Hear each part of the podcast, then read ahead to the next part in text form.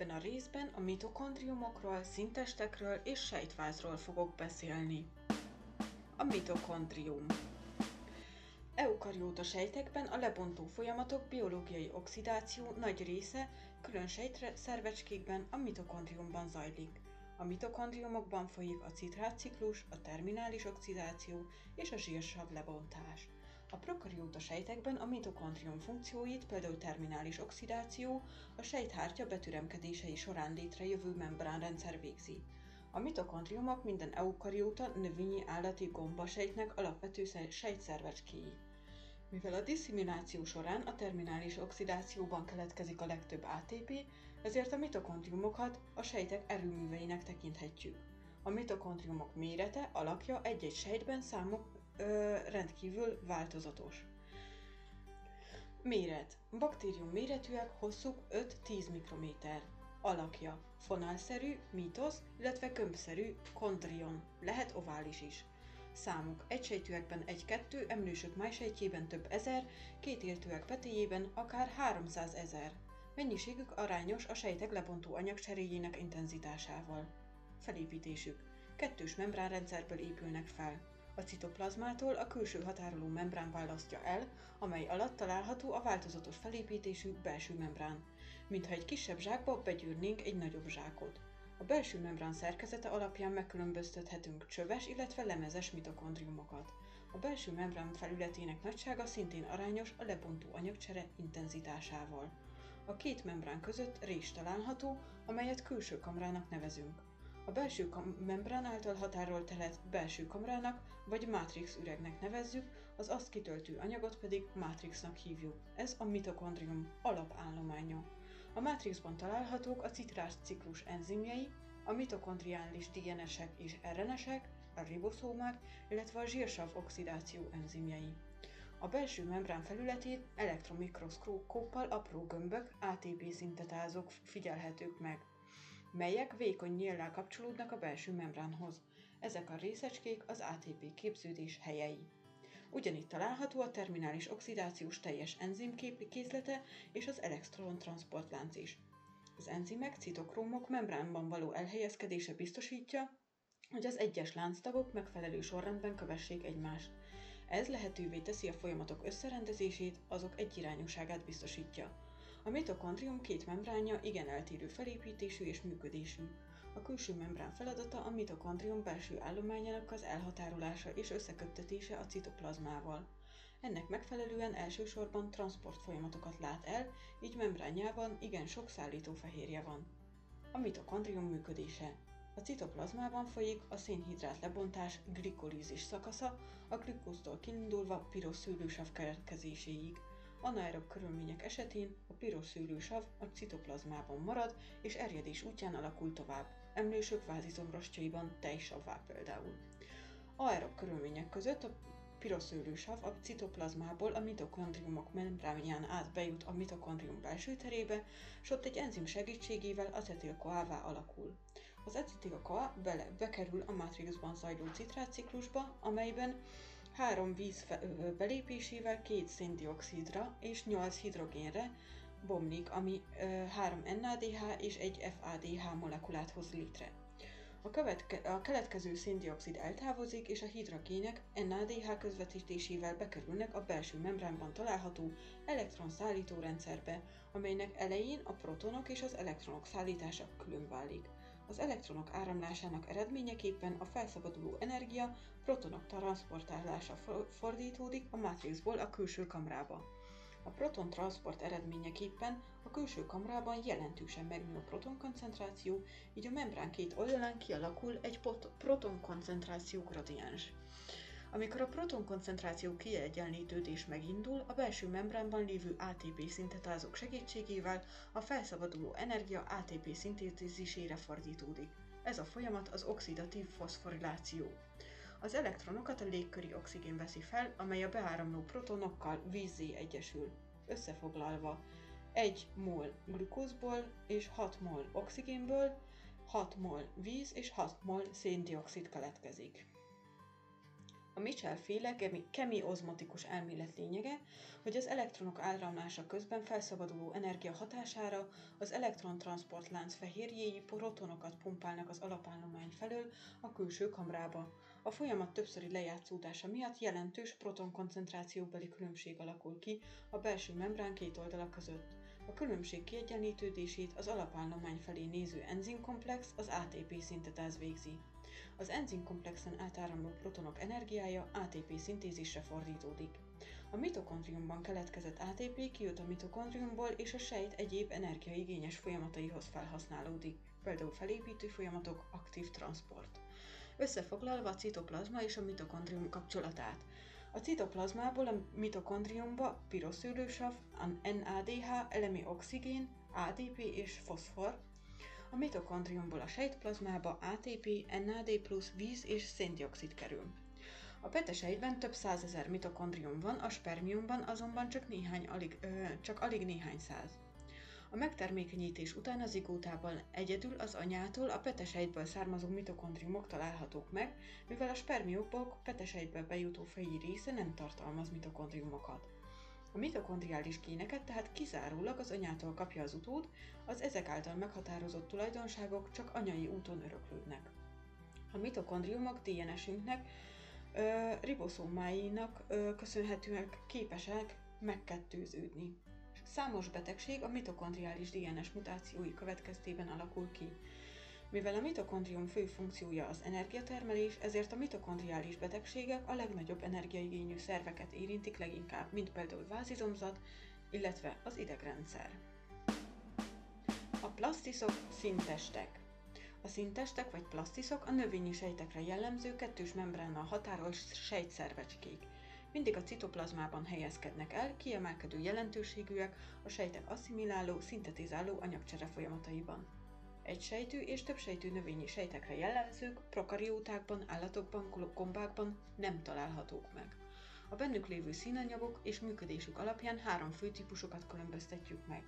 A többnyire zöld színű klorofillokat tartalmazó fotoszintetizáló kloroplasztiszokat, zöld szintesteket, a sárgás színű karotint és xantofél tartalmazó nem fotoszintetizáló kromoplasztiszokat, és a szintelen ugyancsak nem fotoszintetizáló laikoplasztiszokat. A fentieken túlmenően a szintestek fejlődésével összefüggésben megemlítendők még a nem differenciálódott proplasztisok is, amelyek a többi szintest előformájának tekinthetők. Fotoszintézis a baktériumokban. A fotoszintetizáló baktériumokban és a kék baktériumokban nincsenek kloroplasztiszok. Az asszimilációs pigmentek, elsősorban a klorofillok, és így a fényszakaszt lebonyolító elektrontransportlánc a sejthártya betüremkedéseiből létrejövő membránlemezekben helyezkednek el, a sötét szakasz a citoplazmában zajlik. A kloroplasztiszok vagy zöld szintestek. A legjellemzőbb növényi sejtszervecskék, amelyek a fotoszintézis lebonyolításában vesznek részt, így jelentőségük az egész földi élet szempontjából rendkívüli. Jellemzően előfordulnak a táplálékkészítő alapszövet sejtjeiben, továbbá a bőrszöveti szárósejtekben. Felépítésük. Minden kloroplasztis kettős membrán, dupla ionit membrán határol el a citoplazmától. Belsejében a finoman szemcsés alapállomány strómának nevezzük. A strómában zajlik a fotoszintézis sötét szakasza, sok keményítő szemcsét tartalmaz. Ezen kívül található még itt DNS, RNS, riboszómák, amely arra utal, hogy a plasztiszoknak bizonyos fokig önálló genetikai és fehérje szintetizáló aparat, apparátusuk van. A DNS tartalommal hozzák összefüggésbe a kloroplasztiszok osztódó képességét. A sejtosztódást megelőzően befűződéssel osztódnak ketté, és ezzel biztosítják, hogy mindkét utósejtben jusson szintest. A strómában belső membránrendszer van, amelyet tilakoid membránnak nevezünk. A belső membránrendszer felépítése alapján megkülönböztetünk lemezes, illetve gránumos kloroplasztiszokat. A lemezes kloroplasztiszok eukarióta moszatokban fordulnak elő. A gránumos kloroplasztiszok mohákban, harasztokban, valamint nyitva és szármatermő mag- magvas növényekben találhatók meg. Számuk változatos, egy-egy sejtben akár több száz is lehet. Alakjuk főleg lencse vagy gömb. Méretük 1-8 mikrométer. A belső membránrendszer. A gránumok alakja egy egymásra helyezett korongokból álló oszlopokra hasonlít leginkább. Az egyes gránumok nem függenek egymástól, hanem összeköttetésben állnak. Megfigyelme, megfigyelhető, hogy egy-egy tilakoid áthúzódik egy vagy több gránumon. A tilakoid membránok felépítése és működése. A kloroplasztis körülvevő kettős határoló membrán nem vesz részt a fotoszintézisben, hanem működése elsősorban szállító folyamatokkal kapcsolatos. A tilakoid membránokban zajlik a fotoszintézis fényszakasza. A fény adszorpcióját a tilakoid membránban lévő pigmentrendszerek végzik. A klorofilok a hosszú, lipidoldékony, telítetlen fitol láncuk révén a tilakoid membránba merülnek. A fotorendszereket a citokromokból felépítő elektronszállító rendszer köti össze. A fotolízis a gránum belső terében, a lumenben játszódik le. Az el, a keletkező elektronok az elektronszállító rendszerbe kerülnek, a felszabaduló protonok pedig a membránzsákok belső terében halmozódnak fel. Az elektronok áramlásakor felszabaduló energia közvetlenül arra fordítódik, hogy a gránumok membránjában található protonpumpák protonokat pumpálnak a strómából a gránumok belsejébe. Mivel a tilakoid membránok a protonok számára átjárhatatlan, a membrán két oldala között jelentős protonkoncentráció különbség alakul ki. A protonok kiáramlását a strómába speciális enzimek, az úgynevezett ATP szintetázók teszik lehetővé. A protonok koncentrációjának kiegyenlítődése energiafelszabbadulással jár, amely ATP szintézisére fordítódik. A strómába kijutott protonok az elektronokkal egyesülve hidrogén atomként az NADP-hez kapcsolódnak, amely így NADPH-vá alakul.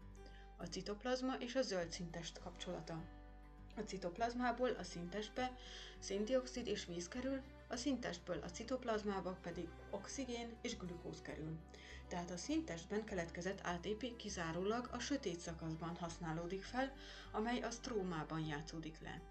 Kromoplaszticok vagy színes szintestek. Sárga vagy narancssárga színűek, színanyagaik karotinok és xantofilok. A kromoplasztisok belső membránrendszere sokkal fejlettebb, anyagcsere funkciójuk nincs.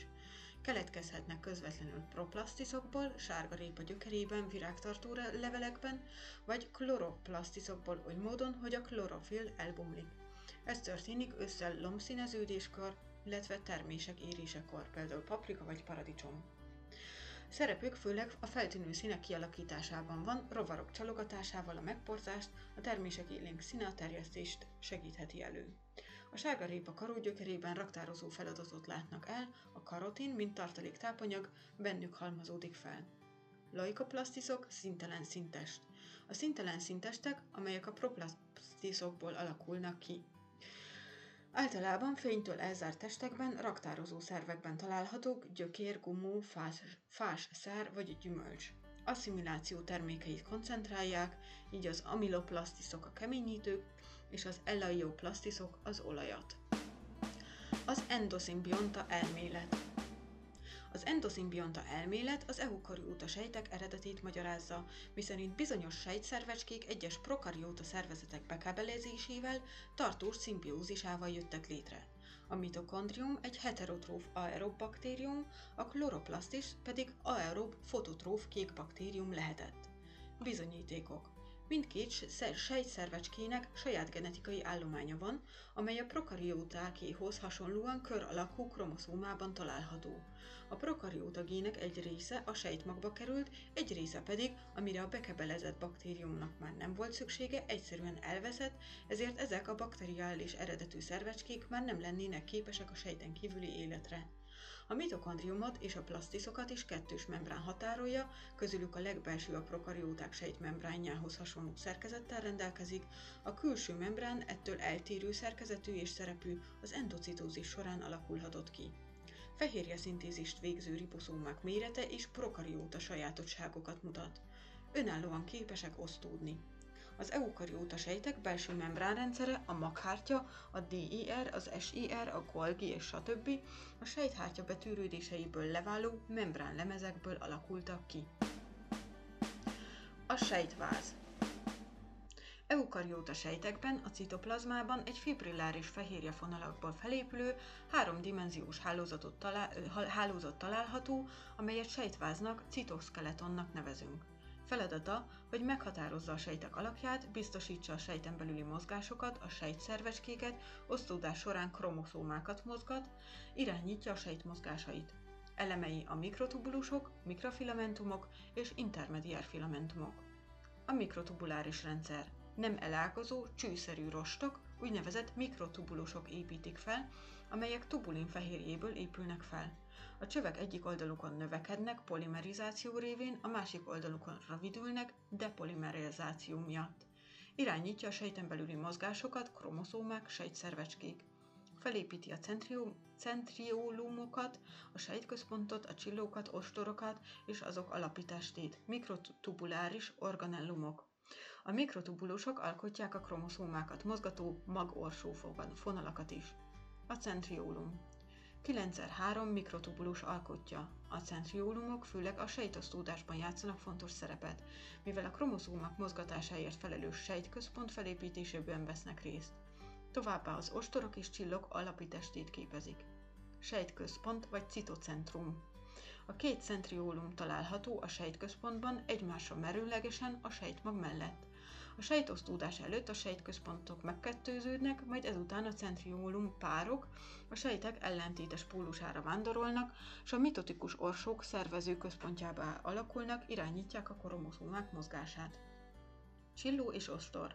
Egyes sejtípusok felszínéről kinyúló, mozgékony, állandó sejtnyúlványok. Szerkezetük lényegében azonos, ha sok van és rövidek, akkor csilló, ha kevés és hosszú, akkor ostor. Kívülről a csillókat sejtmembrán borítja, tövüknél alapítest, centriólum található. Jellegzetes evező mozgást végeznek. Körben 9 tubu- mikrotubulus pár, középen pedig két mikrotubulus helyezkedik el. A szomszédos mikrotubulusok elcsúsznak egymás mellett, ami a csilló meggörbüléséhez vezet. Ehhez ATP bontásából származó energia szükséges. Az ostor előfordulása általában hímjával sejteknél, kivéve a virágos növényeket, ostoros egysejtűeknél, zöld szemes ostoros, álomkor ostoros, illetve a szivacsok galléros ostoros sejtjeinél. A csilló előfordulása csillós egysejtűeknél, mint papus, papucs állatka, örvényférgek bőrizomtömlőjének felszínén, szárazföldi gerincesek légutaiban, gerincesek petevezetőjében. A mikrofilamentális rendszer 5-7 nanométer vastag, globuláris aktinból épül fel, két lánc egymás körül csavarodva alkot egy mikrofilamentumot, a citoplazmában kötegeket alkotva a sejtmembrán alatt helyezkedik el, annak támasztékot adva meghatározza a sejt alakját. A sejthártyához kötődve irányítja a sejthártya alakváltozásait, az endo- és exocitózist. Mikrobolyhok tengelyében található. Jelentős szerepet játszanak a sejtek dinamikus, aktív mozgás folyamataiban. Az aktinhoz miozin kötődhet, ami nagyfokú elmozdulásokat tesz lehetővé.